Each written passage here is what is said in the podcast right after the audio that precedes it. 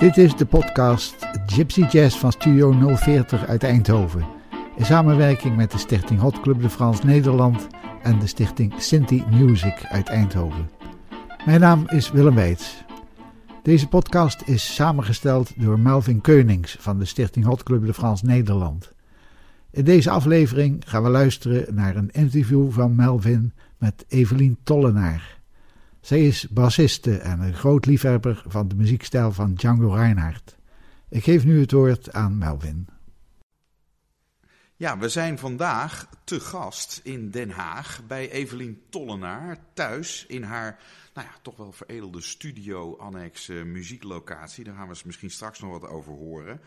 Evelien is uh, begenadigde bassiste in het uh, genre en we komen haar veel tegen op festivals en bij concerten. En ze schrijft ook voor de Quintet, het, uh, het blad van de Stichting Hot Club de France, als speciale correspondent uit Parijs. Dus nou, we dachten dat het leuk zou zijn om eens bij haar uit te vinden waar haar passie vandaan komt en wat ze zo leuk vindt aan deze muziek. Uh, Evelien, dank dat je ons thuis hier bij jou hebt uitgenodigd. En ja, de basisvraag natuurlijk. Wanneer ben jij met de Gypsy Jazz in aanraking gekomen? Nou, je moet denk ik eerst vragen, wanneer ben je met de bas in aanraking gekomen? Ja. Want ik zal maar meteen aan het begin vertellen dat ik volgende week 82 word. Daarin ben ik misschien een uitzondering op de anderen. Ja. Um, en uh, op mijn 52ste hoorde ik dat er een regel in mijn koor zou komen dat je met je 60ste uit moest. En toen dacht ik, hemel, ik wil muziek blijven maken. En via omwegen is mij toen aangeraden om contrabas te gaan spelen. Toen ben ik contrabas gaan spelen. Voornamelijk... Want even voor de goede orde, dat koor, dat was gewoon ook een, een, een gezellige bijactiviteit. Het was niet je beroep. Nee, dus helemaal uh, geen gezellig. Het was, het was gezellig, maar het was, geen, uh, het was een amateurkoor, maar een heel prestigieus amateurkoor in Den Haag. Ja. Het Haags Barokgezelschap. Ja, ja. En vandaar ook dat er werd besloten dat mensen op hun zestigste eruit moesten. Want het ging om de kwaliteit en niet om de gezelligheid. Niet alleen om de gezelligheid. Ja, ja. Oké, dus toen eh, ging ik bas spelen. Toen heb ik les gekregen. Toen kwam ik in klassieke Waar, omgeving. waarom, even, waarom koos je ineens voor contrabas? Want dat is voor een 52-jarige koorliefhebster misschien ook niet een vanzelfsprekend instrument. Was dat toch iets wat jou op een manier trok? Ik heb altijd van basstemmen gehoord, gehouden. Toen wij vroeger zongen op school en in kampen en zo, en ging ik automatisch probeerde ik de derde stem altijd te zingen. Dus dat heb ik me later pas bedacht, maar dat is wel grappig. Ja. Maar um, nee, het kwam erop neer dat ik eigenlijk zei dat ik fagot wilde gaan spelen. En toen zei een be beroemde dirigent die ik goed kende, die zei tegen mij, dat moet jij nooit doen. Daar moet je heel hard op studeren. En jij bent nogal lui. Ik zou contrabas gaan doen. Nou, als bassist kan ik me daar inderdaad van alles bij voorstellen.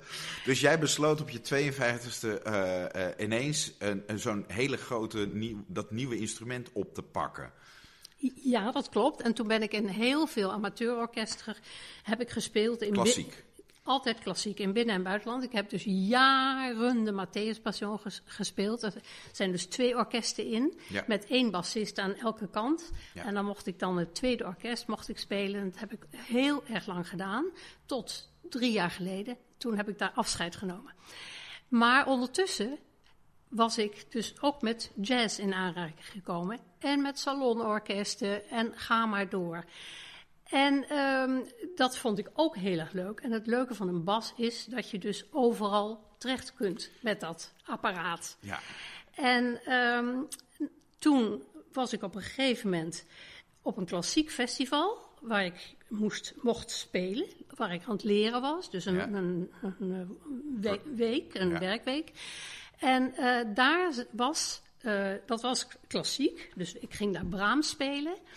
En daar was Tim Kliphuis uitgenodigd. En Tim Kliphuis die mocht dan aan ons, mensen die alleen maar van die bolletjes op papier konden spelen, maar totaal niet konden improviseren, mocht hij proberen uit te leggen wat improvisatie was. De eerste beginselen van het, van het vrij spelen. Nou, we gaan zo met, we, behouden, we maken er even een uh, cliffhanger van, want het is dan natuurlijk wel spannend hoe je van die eerste ontmoeting van Tim dan verder komt. We gaan eerst even naar muziek luisteren. En dat is het nummer Coquette. Uh, uh, een van jouw favoriete nummers volgens mij. Want als we Klopt. gaan jammen dan, uh, en Coquette komt langs, dan, dan vliegt Evelien het podium op met haar bas. Want dat, dat speelt ze lekker fijn. We horen een, een opname opname van eh, Gonzalo Bergera en eh, Josjo Stefan, een studio jam zoals het heet, van het nummer coquet.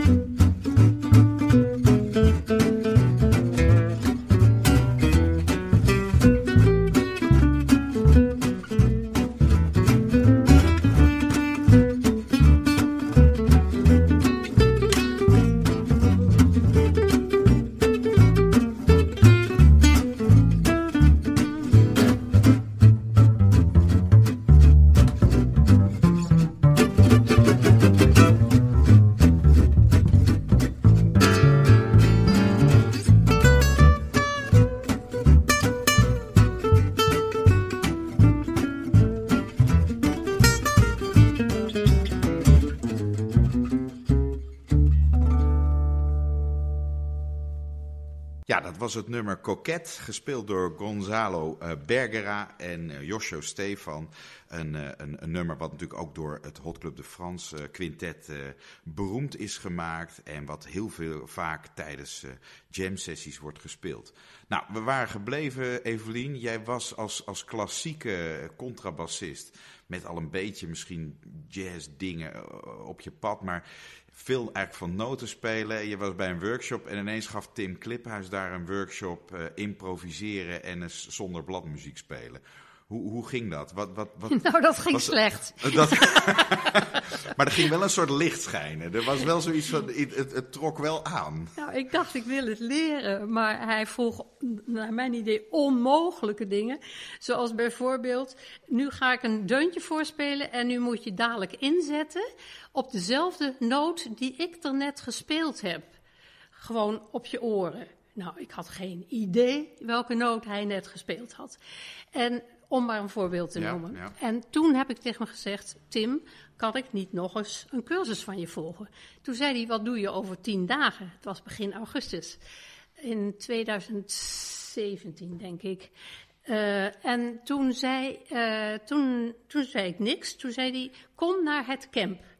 En dat is op zichzelf zal ik heel kort vertellen, maar een grappig verhaal. Hij zei: het is, uh, We gaan daar Gypsy Jazz doen. En het is een camp. En ik stelde mij een soort zigeunerkamp voor. Met, eh, hij zei, er brandden vuren en weet ik wat allemaal. Nou, ik kwam daar en het was super. En dit was de reden dat ik verder ben blijven hangen in de Gypsy Jazz, denk ik. Want er waren zulke aardige en goed spelende mensen. Maar het vuurtje was een kleine vuurbak op het terras achter. En er waren wel geteld, geloof ik, drie echte manouche aanwezig. Verder waren het allemaal Hollanders en buitenlanders trouwens. Zoals ja, echte gatjo's, eh, zoals dat dan in de termen heet. Maar goed, je, uh, uh, dus je had eigenlijk al heel snel een soort vuurdoop. Want dan kom je wel echt in een gezelschap waar iedereen heel leergierig is en, en wil, wil spelen. Tim Kliphuis organiseert al, nou, al meer dan tien jaar inmiddels deze workshop eh, eind augustus. Het eh, Django Grappelli kamp wordt het ook wel eh, genoemd. Ehm, het is weer in de Beukenhof dit jaar, geloof ik. Nou ja, we gaan daar wel vast wel ook in de quintet over publiceren. Um, eens even kijken. want één nummer wat daar ook vaak gespeeld wordt is Claire de Lune is uh, eigenlijk komt ook uit de, uit de klassieke uh, muziek. Hè? Uh, de, is eigenlijk van Debussy, of niet? Claire de Lune, vraag je me wat. Nou ja, ik weet het ook allemaal niet. Ik, ik, ik ben meer van, de, van, de, van, van, de, van de moderne muziek. Maar goed, dit is Claire de Lune. En deze uitvoering is van de Basilies, de jouw bekende band hier uit, uit de Haagse omgeving. Dus we horen nu het nummer Claire de Lune. Thank you.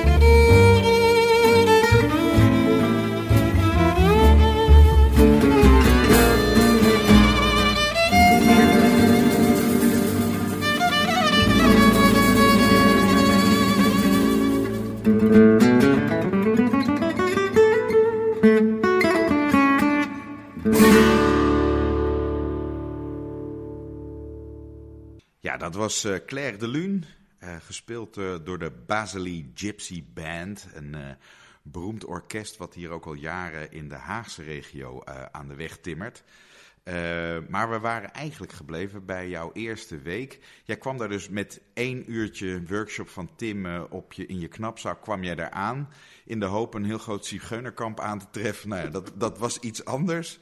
Je kreeg een vuurdoop, meespelen, niet zeuren, doorwerken.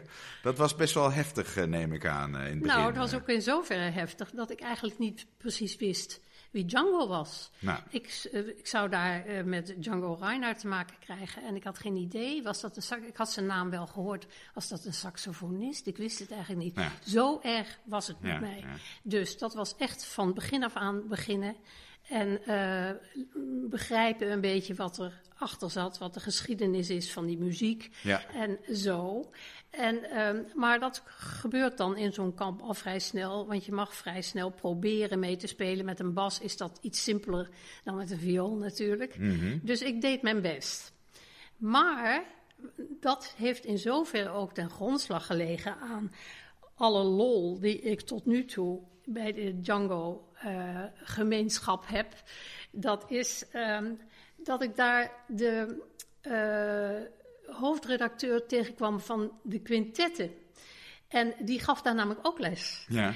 En die um, stuurde mij een mailtje na afloop en zei: Zou jij het leuk vinden wat lesjes te krijgen misschien? Nou, dat was natuurlijk niet voor niks. Dus daar ben ik op ingegaan. En almate de tijd vorderde en ik van deze meneer les had, ging het dus uh, zo ik had een flat in Parijs. En daar zag de redactie van de quintetten wel iets in. Want misschien kon ik correspondent voor Parijs in Nederland worden. Zo geschiedde. Dus ik ging erop uit en ik ging dus in Parijs cafeetjes verkennen. Uh, waar ik van ik wist, dat was een hele speurtocht, dat er gypsy jazz gedaan werd. Gypsy, uh, dus jazzcafés zijn daar plenty. Maar Gypsy Jazz was toch weer een ander verhaal. En um, ik was intussen een eindje verder en mocht zelfs af en toe mocht ik even meespelen, even meejammen daar. En daarom vind ik het grappig dat we nu Coquet gehoord hebben en Claire de Lune. Want een van de keren dat ik mocht meespelen was boven op het uh, dakterras van de Tour Montparnasse in Parijs. Daar mocht ik even invallen toen de bassist een sigaretje wilde roken. En toen heb ik gevraagd of we Claire de Lune mochten spelen, want de maan scheen. En dat moment zal ik dus nooit meer vergeten. Nee, dat zijn van die magische momenten dat, uh, dat de muziek en, en waar je bent op dat moment en wat je hoort, dat het allemaal mooi uh, samenvalt. Ja, je kende Parijs natuurlijk al best wel goed, want je had daar al een hele tijd volgens mij een appartement. Maar er ging eigenlijk ook wel weer een soort Parijse wereld voor je open misschien, omdat je ineens die hele hotclub scene daar ging verkennen en ging, ging, ging bekijken. Nou, een nummer wat ook veel bij dat soort jam sessies uh, worden gespeeld is uh, Joseph Joseph. En uh, daar gaan we nu naar luisteren. En we horen het Josho Stefan trio. Josho hebben we ook een, een, een, een podcast over gemaakt. En hij trad ook op bij het laatste concert van de Hot Club de France. Duitse gitarist, geweldige gitarist. Dus we horen het nummer van hem, Joseph Joseph.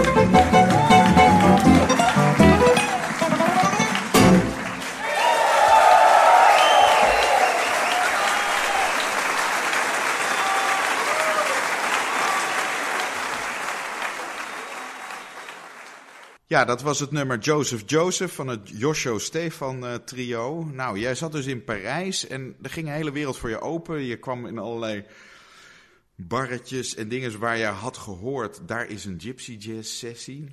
Ja. Je leert die muzikanten een beetje kennen. Moet, uh, uh, moet ik me dan voorstellen dat zo'n 80-jarige, niet al te lang gebouwd klein bassistje dan met die grote bas dan door de straten van Parijs zwerft? Hoe gaat zoiets? Wat moet ik me daarbij voorstellen? Ja, ik...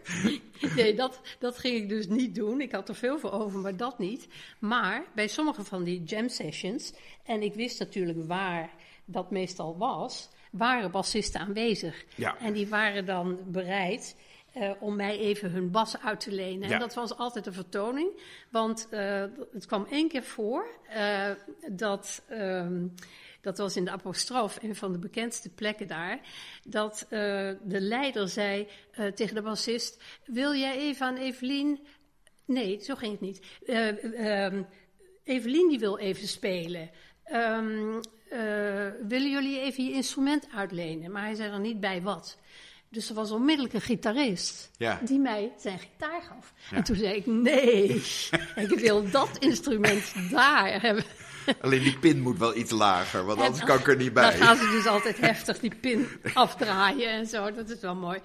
Maar uh, dus, nou ja, dat waren geweldige ervaringen. Maar, en daarna ben ik ook nog heel veel op andere manieren ook in het buitenland geweest. Natuurlijk in Samoa, maar daar ga je misschien nog iets over zeggen. Ja, Samoa is het, uh, is het jazzfestival. De, de, meeste luisteraars hebben daar al inmiddels meer over gehoord. Maar dat is de plek waar Django Reinhardt uh, de laatste jaren van zijn leven woonde. Hij had er een huisje en hij viste daar heel veel in de Seine. De Seine die daar door het dorpje stroomt. En daar is later het grote Django Reinhardt Festival ge geïnitieerd. En dat is nog jaarlijks een soort bedevaartsplek waar alle liefhebbers van deze muziekstijl dan bij elkaar komen om daar samen naar een jazzfestival te gaan, maar eigenlijk ook vooral om met elkaar te kamperen en dan op die camping heel veel samen die muziek te maken. En dat is natuurlijk ook wel een kenmerk van Evelien Tollenaar. Uh, dat jij ook een affiniteit met kamperen hebt. Dat uh, klopt, ja. En dan, uh, dan stellen, ja, we, we, kennen jou eigenlijk dus vooral van dat kleine dametje met die vouwwagen. compleet zelfvoorzienend, komt ze aangekrost, zet ze helemaal zelf die, die vouwwagen op. Compleet zelfstandig. Mm. En, wel geholpen hoor. Ja, vaak. nou, af en toe nog wel eens wat, wat hulp. Maar ja, het, het, het, en dan zijn er best wel vaak uh, van dat soort evenementen. Hè? Want je hebt Samoa, je hebt het Liber Ski Festival, je hebt het Zonnegloren gebeuren. Dus ja, ja, de, ja. Als, je, als je daar allemaal heen gaat, nou, dan is je agenda aardig gevuld. Uh, je hebt ook wel de meeste evenementen volgens mij bezocht de uh, afgelopen ja, tijd. Ja, maar dat, ik moet erbij zeggen dat dat vooral ook komt omdat ik inderdaad kampeer. Want ik weet mensen die even enthousiast zijn voor Django, ja. maar die moeten daar dan in hotelletjes en zo gaan slapen. En dat is toch niet helemaal hetzelfde. Want je, bent, hè, je staat daar op met muziek en je gaat naar, of je gaat eigenlijk helemaal niet naar bed. Maar nou, als je naar bed gaat, ga je naar bed met muziek. En in Samoa moet ik wel even iets van vertellen. Het afgelopen jaar ging het door. Ja, maar even voor de record, dan hebben we het over 2021. Toen, uh, nog, niet, uh, toen nog een heel deel van Europa niet gevaccineerd was. Er kwamen eerste vaccins kwamen een beetje beschikbaar. Het festival is toen volgens mij afgeblazen. Dat ging helemaal niet door. Maar de, het kampeergebeuren is wel doorgegaan. En uh, nou ja, ongeveer een, de helft van de normale hoeveelheid mensen die is toch, toch gewoon gegaan en hebben een geweldig event gehad. Maar hoe, hoe, hoe, heb jij het afgelopen keer beleefd? Nou ja, het is een beetje van de ene zijn dood is de ander zijn brood. Want wat bleek, dat de eerste drie, vier dagen dat ik daar was, was ik op het he hele terrein met pakweg 80 mensen misschien. Ja. Toen was ik de enige bassiste. Bassist van dienst. En, en, dan ben je populair hoor. Ja, ja, ja. En het kwam zelfs zover dat er een van de manouche was jarig. En daar werd natuurlijk de gebruikelijke feesten die wij allemaal kennen. Uh, voor zo'n geweldig grote caravan met overkapping. Enorme barbecues. Met ja. wild gekleurde lampjes. Uh, ongeveer 100 flessen leeg en vol op tafel van de meest verschillende dranken. Daar was, een van hun was jarig. Ja. En daar werd natuurlijk muziek gemaakt. Ja. Maar ja, wat hadden ze niet? Ze hadden geen bas. En toen was ik natuurlijk wel heel trots dat ze gedacht moeten hebben, toch beter die mevrouw Ja. dan helemaal geen bas. Dus ik Ja. werd gehaald Ja. door Titi. En met de vraag of ik mee wilde gaan Ja, spelen. we Dus hebben het was- over eh, Titi Winterstein, eh, eh, of Titi Bamberger is dat natuurlijk. Ja. Een van de ook beroemdere Zigeuners die heel vaak aanwezig is op dit soort uh, festivals. Nou, leuk om daar ook misschien het volgende nummer uh, aan te verbinden, want dat heet uh, Swing Gitaan. Is ook een, een bekende tune. Neigt een beetje qua akkoorden naar wat meer Balkanmuziek, maar het is wel echt klassieke gypsy jazz. in, nu uitgevoerd door het Braziliaanse bandje Seu Manouche en het nummer heet Swing Gitaan.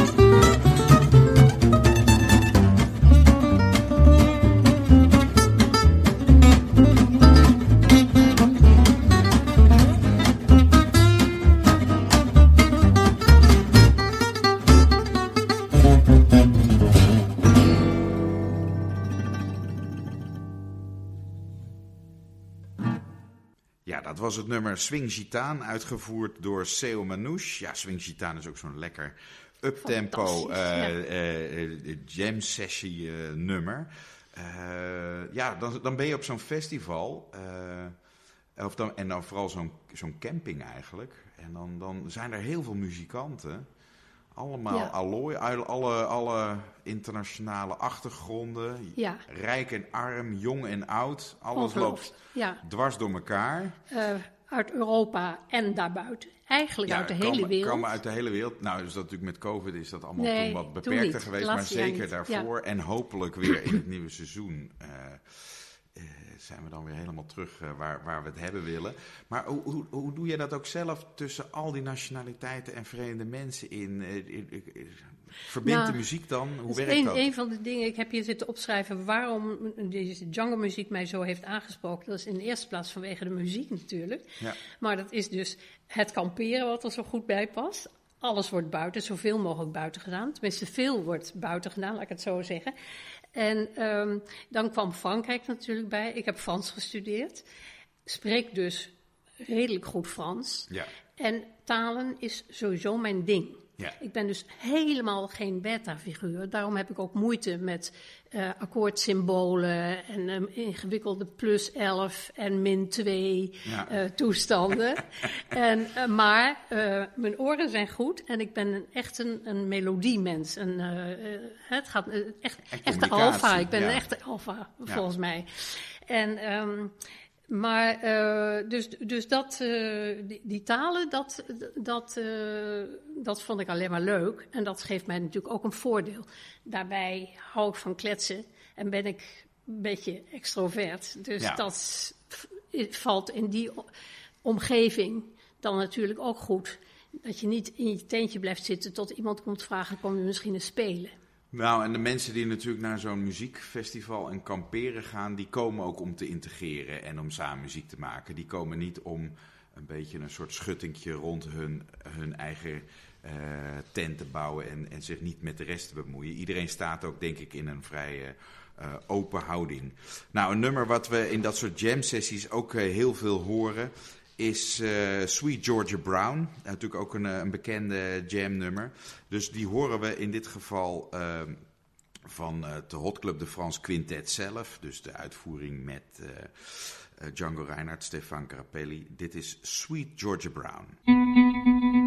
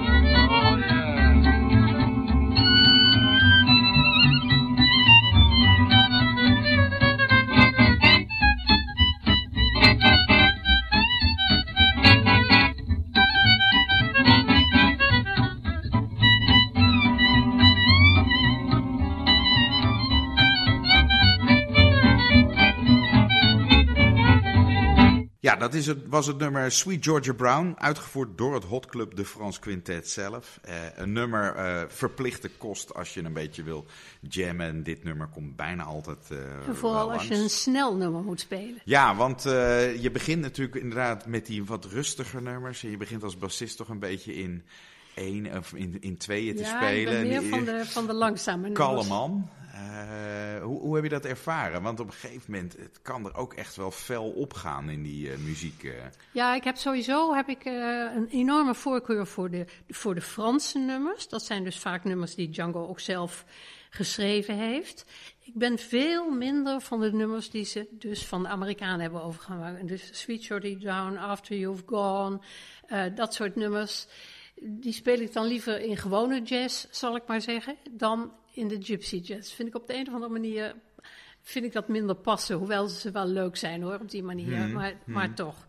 En um, ja, nou ja, je kan natuurlijk als bas kan je in tweeën begeleiden in een maat. Dus tong, tong, tong, tong. Ja, en dan hoef je niet zoveel te spelen. hè, Hoempa-idee. Ja. Maar ehm, ja, ik ben dus nu heel hard bezig aan het proberen of ik ook een beetje in vieren kan gaan begeleiden. Maar een mens blijft bezig en is nooit te oud om te leren. Ja, want er zijn zoveel mensen eh, waarvan ik, die ik tegenkom waarvan ik zeg, nou ik ga met Evelien ook een podcast doen. En dan iedereen spreekt altijd bewondering uit van, oh, als je toch 82 bent en dan nog lekker zo muziek kan maken en kan kamperen en nog zoveel, vaak ook weer nieuwe dingen eh, aan boord hijst. Ja, je, je gaat toch gewoon, je gaat daar gewoon vrolijk mee verder. Ik zie jou nog volgend jaar nog saxofoon eh, beginnen. Oh nee, nee, ik ga geen nieuwe dingen meer beginnen. Nee, nee, nee, dat ga ik niet doen.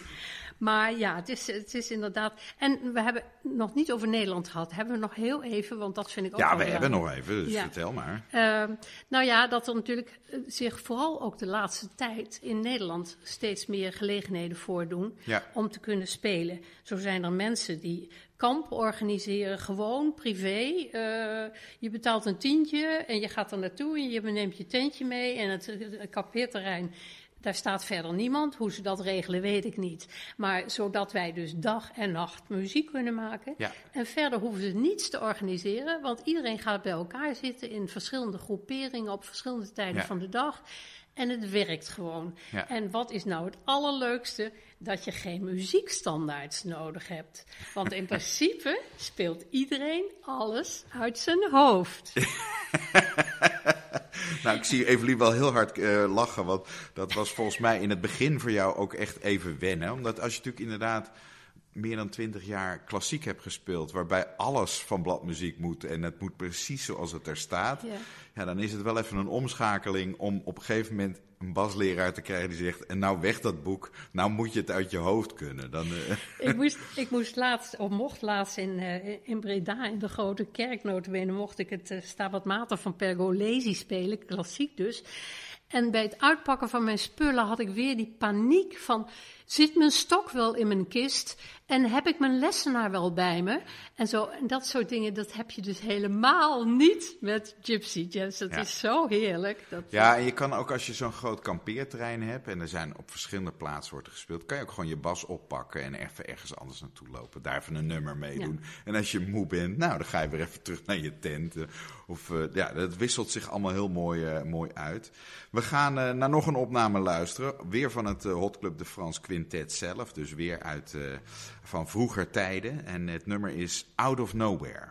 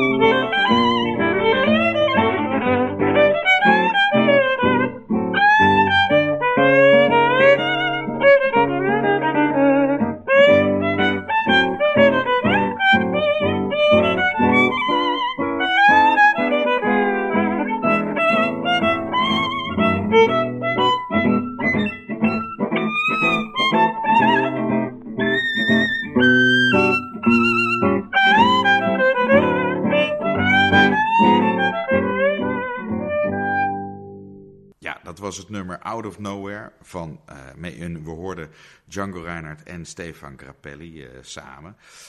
geweldige opname. heb jij nou het idee dat het ook een beetje aan het groeien is in Nederland? want je hebt het nu zo'n vijf jaar, ben je eigenlijk een beetje actief in deze scene. En uh, tussen een beetje hoe jij begon en waar dat, waar dat, wat er allemaal zich ontwikkeld heeft. Even los van corona natuurlijk, want dat ja, heeft nee, natuurlijk ook weer een rem gezet. niet mee. Ja, ik heb wel indruk, uh, niet alleen in Nederland, ik merk het ook heel erg in, uh, in Parijs. Toen ik voor de eerste keer in Parijs daar kwam, dat was een, nou, ik weet niet meer precies wanneer het was, maar toen was er echt een dip. Toen klaagde iedereen erover dat er eigenlijk geen Gypsy Jazz meer was. En nu, ik ben de laatste tijd er dus niet geweest, maar als ik mijn Facebook vriendjes uit Parijs Parijs nalees, die kondigen werkelijk. Er zijn, ik weet niet hoeveel jams per week in Parijs. Gypsy jazz heb ik het over. Hè? Ja. En nou, in Nederland uh, neemt het ook toe. Uh, heb ik de indruk. Er zijn steeds meer mensen die proberen uh, plaatsen dus, te, te, in te richten. Om daar althans eens in de week een, um, een gypsy jazz. Ja, nee, so, sorry. Ja. sorry eens in de maand bedoel ik natuurlijk. Ja, ja, ja. Nou, het verschilt een beetje per Op een vaste dag in de maand, uh, eens in, uh, een gypsy jazz te houden. En dus de pianist bijvoorbeeld in Amsterdam, en Molentje in Amsterdam. Er komt nu een nieuwe bij, en helaas ben ik de naam vergeten, maar er komt nu een nieuwe bij, dus dat is opmerkelijk. Iemand die het voor het eerst gaat doen, een, een café-eigenaar. Dus dat is heel erg leuk. En, uh, en in Breda is ook een hele leuke jam session altijd. Die is er ook al jaren. En uh, dat is grappig om te zien, want daar komen dan weer mensen bijvoorbeeld uit Goes. En uit ja, die komen dan vlak over de grens in België. Vanuit andere regio's. En we hebben gelukkig in, in Nijmegen een leuke sessie. En er is in, in Utrecht waren er sessies. En in Den Haag. Je hebt hier ook in Den Haag volgens mij een aantal keer sessies gehad. Ja, vroeger helaas niet ja, meer. Ja, dat is, dat is natuurlijk ook weer vanwege corona allemaal een beetje in het slop geraakt. Maar hopelijk komt dat weer terug. Want hier in Den Haag waren het geloof ik de Basilis zelf die ook een beetje die... die uh, ja, die, deden het, maar die doen nu alleen nog maar concerten, die, die ja, nou, geen jams uh, Nu zitten we sowieso in andere ja, tijden. Ja, is ook zo. Maar wat zijn jouw belevenissen ook bij dat soort jam sessies? Want dan moet je soms ook even je tussen wurmen op een manier. Want ja, als je alleen maar gaat zitten luisteren, dan zit je de hele aan te luisteren. Maar je moet ook een keer aan de bak. Ja, je, wat je doet is, als je komt, dan maak je even de balans op. Dan denk je van, oh, er zijn dus drie bassen. Uh, nou, dan maak ik nog wel kans. En dan meestal, uh, de bassen kunnen het heel goed met elkaar vinden. Meestal overleggen we gewoon een beetje van hoe zullen we dit doen. Ja. Er is ook wel eens een keertje voorgekomen dat uh, de, kennelijk iemand wist dat ik zou komen. Maar een andere bassist die stond daar van het begin af aan te spelen. En er kwam maar niemand en er kwam maar niemand. En ik arriveerde om tien uur en toen werd er gewoon enorm gejuicht. want deze Martijn, die had geen vingers meer. En die, die, die kon niet meer werkelijk. Want een hele avond achter elkaar bassen, dat gaat eigenlijk zonder pauze, want iedereen wisselt elkaar af. Maar die bas, die moet doorspelen. Ja. Dus dat was wel heel grappig. Toen voelde ik me wel heel geweldig hoor. Toen ik zo verwelkomd werd. Ja, ja. Nou, leuk. Hey, uh, we gaan naar een wat sneller nummer luisteren. Want sommige nummers die zijn een beetje te doen. Maar zo'n dit nummer, Django's Tiger, ja, dat is echt uh, er bovenop. Hè? Ja. Uh, dat is niet echt een nummer om snel met lopende bas te spelen. Dan nee, niet met ben, je al, ben je al lang blij dat je hem in tweeën kan, ja. kan spelen. We gaan een, een, hele snelle opname ook luisteren nu. dat is met Stochlo Rosenberg en Peter Beets eh, op piano. Nou, dat gaat ook dan in een, eh, in een heel rap tempo. Het nummer is Django's Tiger.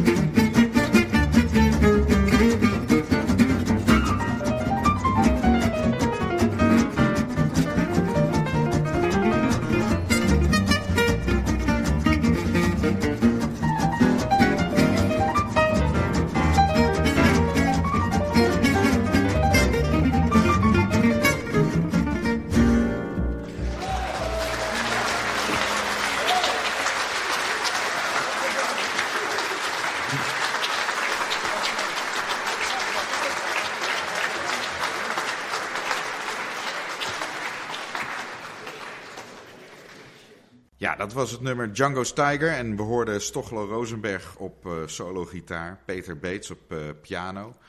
Uh, geweldig. De, de, ze hebben hier ook mee getoerd in de theaters.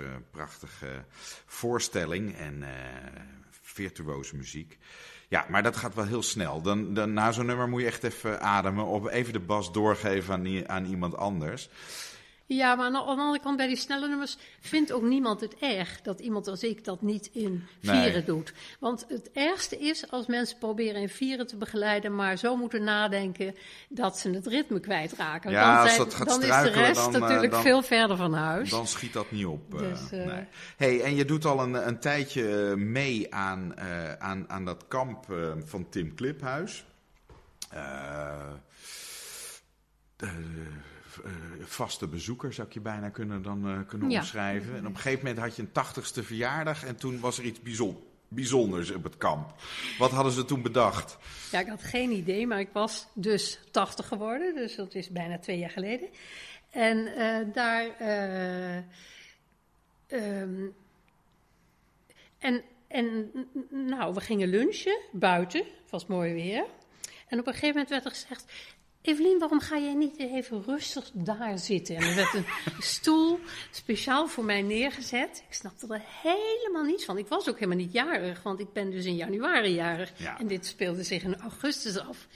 En, uh, en ja hoor, uh, daar gingen ze plotseling, gingen ze, hadden ze geregeld, echt al voordat het kamp begon, per e-mail en met no noten rondsturen, dat het nummer Evelien gespeeld zou worden. En wie is Evelien? Dat ben ik dus, maar dat is in, nog lang daarvoor, is dat de dochter van Stefan Grappelli.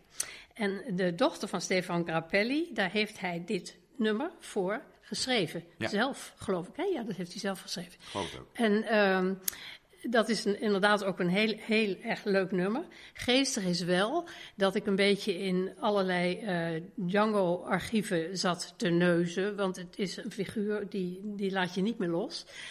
En uh, op een gegeven moment zocht ik bij Grappelli. En wie zie ik in de kleine fotootjes van, van Google, notabene, um, Evelien.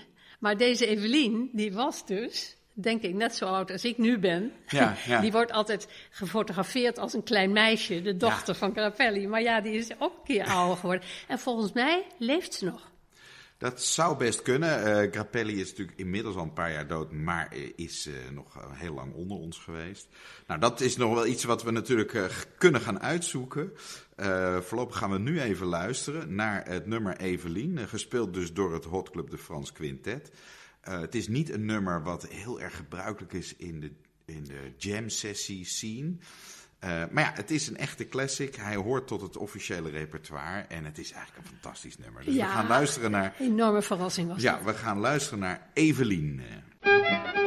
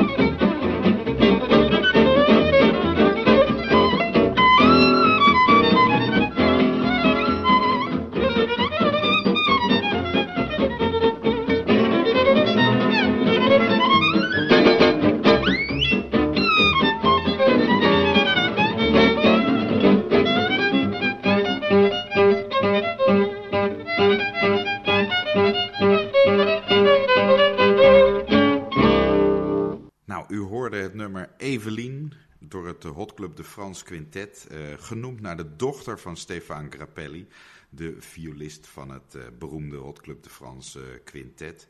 Ja, dat was een hele verrassing eh, op het kamp. Met, ik herinner mij Steven Koppenaal en, en Tim eh, Kliphuis. Die waren een beetje daar de, de aanstichters van. Ik zat zelf geloof ik ook in het complot. Uh, moest, moest ook dat partijtje even instuderen. Met z'n negen waren jullie. Ik heb nou, dat was inderdaad. We hebben, we hebben toen even wat, wat, wat hulptroepen erbij gehaald. En dat was natuurlijk uh, hartstikke leuk. leuk.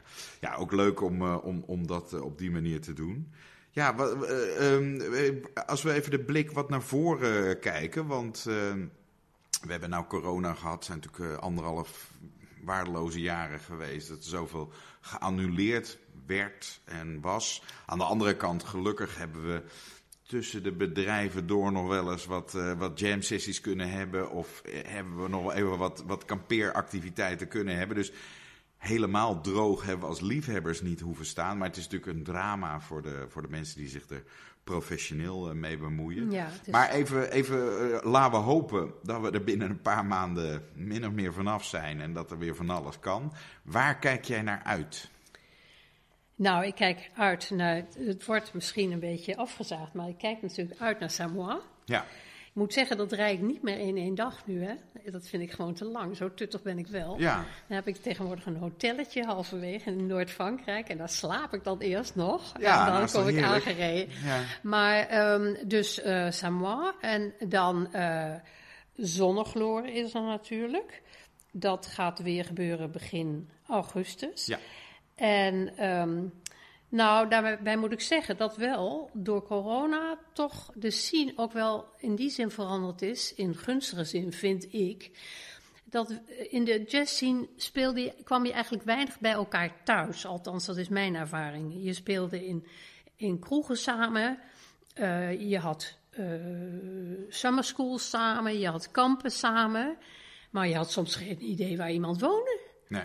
En uh, dat is nu wel veranderd. Want ik heb dus bij mij thuis tegenwoordig regelmatig.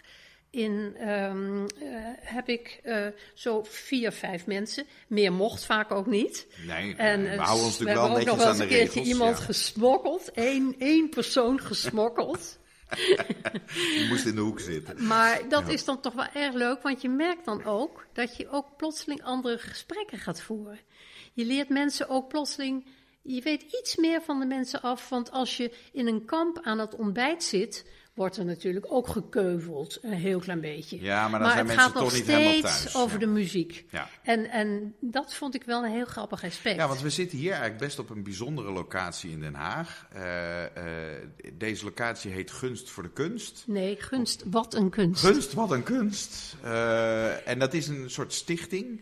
En uh, dat is eigenlijk al jaren geleden opgezet. Uh, en het is hier in de benedenverdieping waar het eigenlijk uh, vooral gebeurt. Ja, ik heb kan je een, daar wat over vertellen? Ik heb een herenhuis hier in, aan de Raamweg in Den Haag.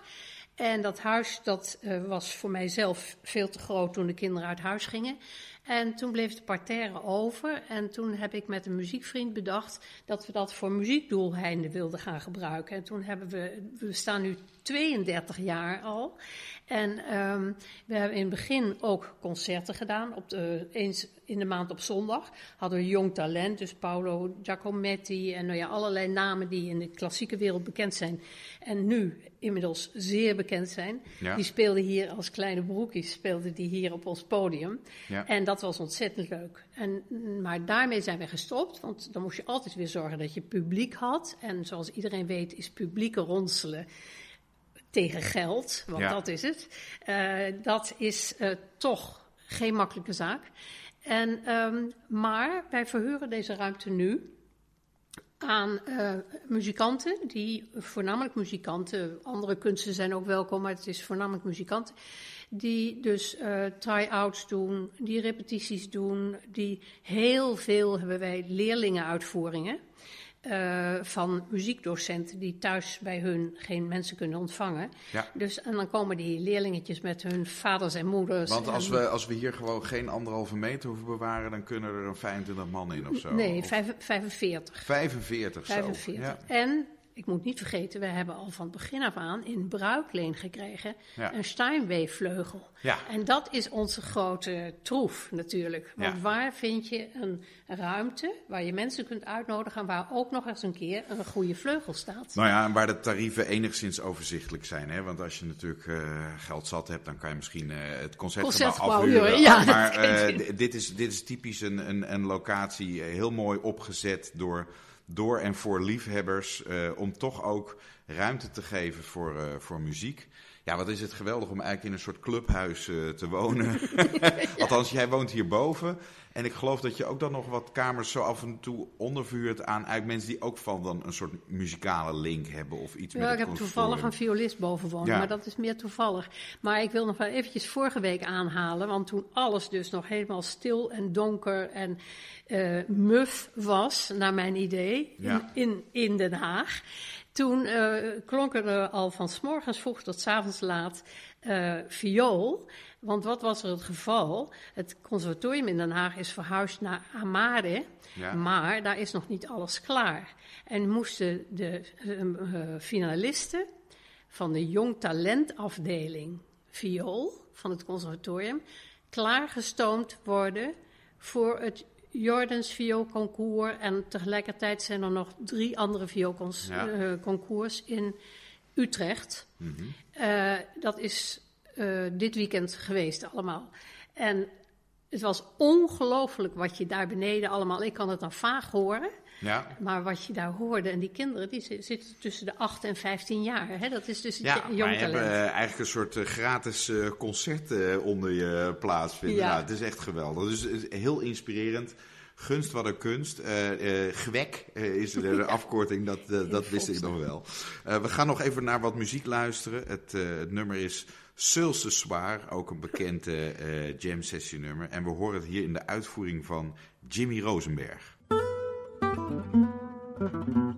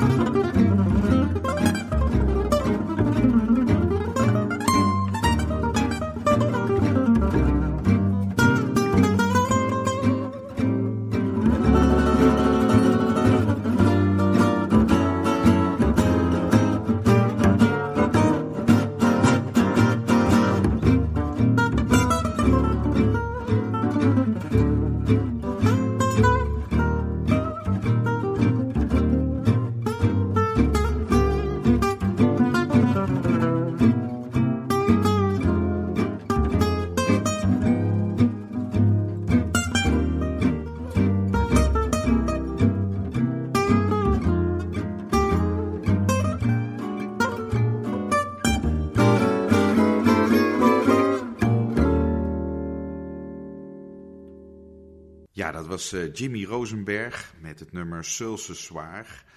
Uh, vooruitkijkend, er komen dus mooie concerten aan. Uh, of er komen mooie, mooie evenementen weer aan.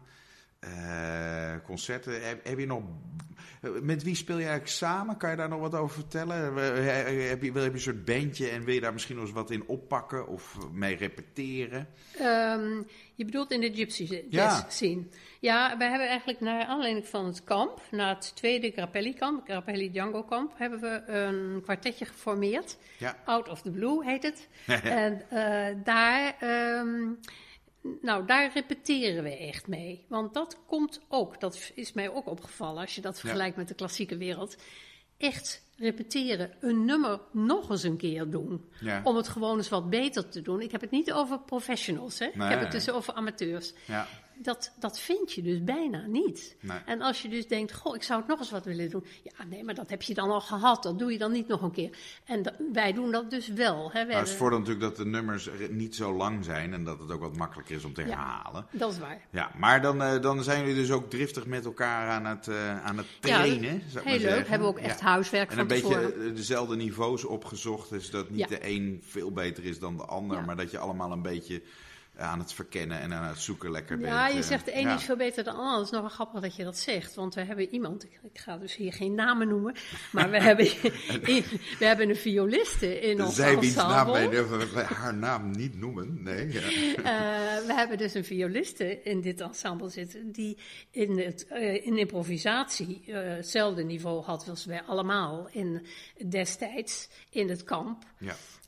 maar die in het uh, hele leven in het Metropoolorkest heeft gewerkt. Ja. En als je dan merkt dat ze leert improviseren, want dat kun je dus kennelijk leren. Ja. Zij is dat aan het leren en ze wordt steeds beter. Dan merk je plotseling hoe geweldig het is dat iemand die dat hele verleden achter zich heeft van die klank die ze op die viool heeft, dat is echt ongelooflijk. Dat zit er allemaal al en in. En dat zit er allemaal al in. Ja. En dus, het is idioot dat ik dus eigenlijk speel met iemand uit het Metropoolorkest. Maar zo komt dat, kan dat dus toch Nou ja, je bent er dus eigenlijk echt live bij, uh, dat je merkt en ziet dat, dat, dat, haar, dat haar spel ook uh, steeds beter wordt. En dat is natuurlijk ook leuk. En volgens mij heb je dat zelf ook. Dat je een paar jaar geleden waar had je nog moeite om bepaalde nummers bij te houden. En nu uh, doe je het eigenlijk met twee vingers in de neus. Nou ja, dat is ook een nou, stukje, nou. stukje muzikale ontwikkeling. Uh, uh, en dat is ook heel goed, want zo groei je en zo blijf je groeien. En zo blijf je ook nieuwsgierig naar nieuwe muziek. Nou, uh, kortom, uh, we, we, gaan hopelijk weer echt zonnige tijden tegemoet. Ik heb er uh, alweer hartstikke zin in. En Evelien hier ook, volgens mij.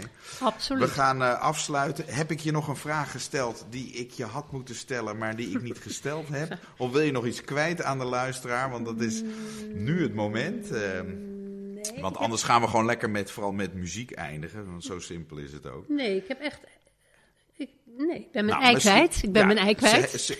dames en heren, uh, Evelien is haar ei kwijt. Dit is echt, uh, er zullen nu mensen in lachen uitbarsten, want dat gebeurt niet vaak. Maar uh, we gaan naar het laatste nummer van deze podcast-aflevering luisteren. Dat is het nummer Jatandré.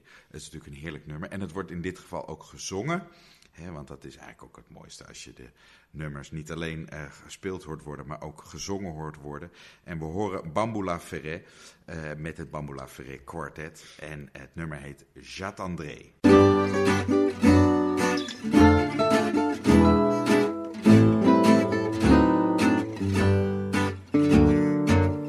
Reviens bien vite, les jours sont et sans limite, Quand on se quitte, on oublie tout, mais revenir est si doux. Si ma tristesse peut te mouvoir avec ivresse, reviens ce soir et dans mes bras, tout s'oubliera.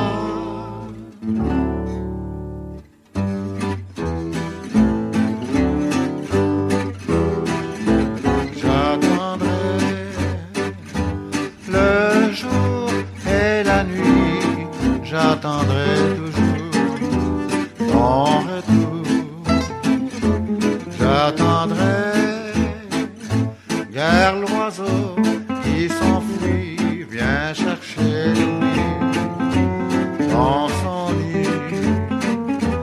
Le temps passe et court en battant tristement dans mon cœur.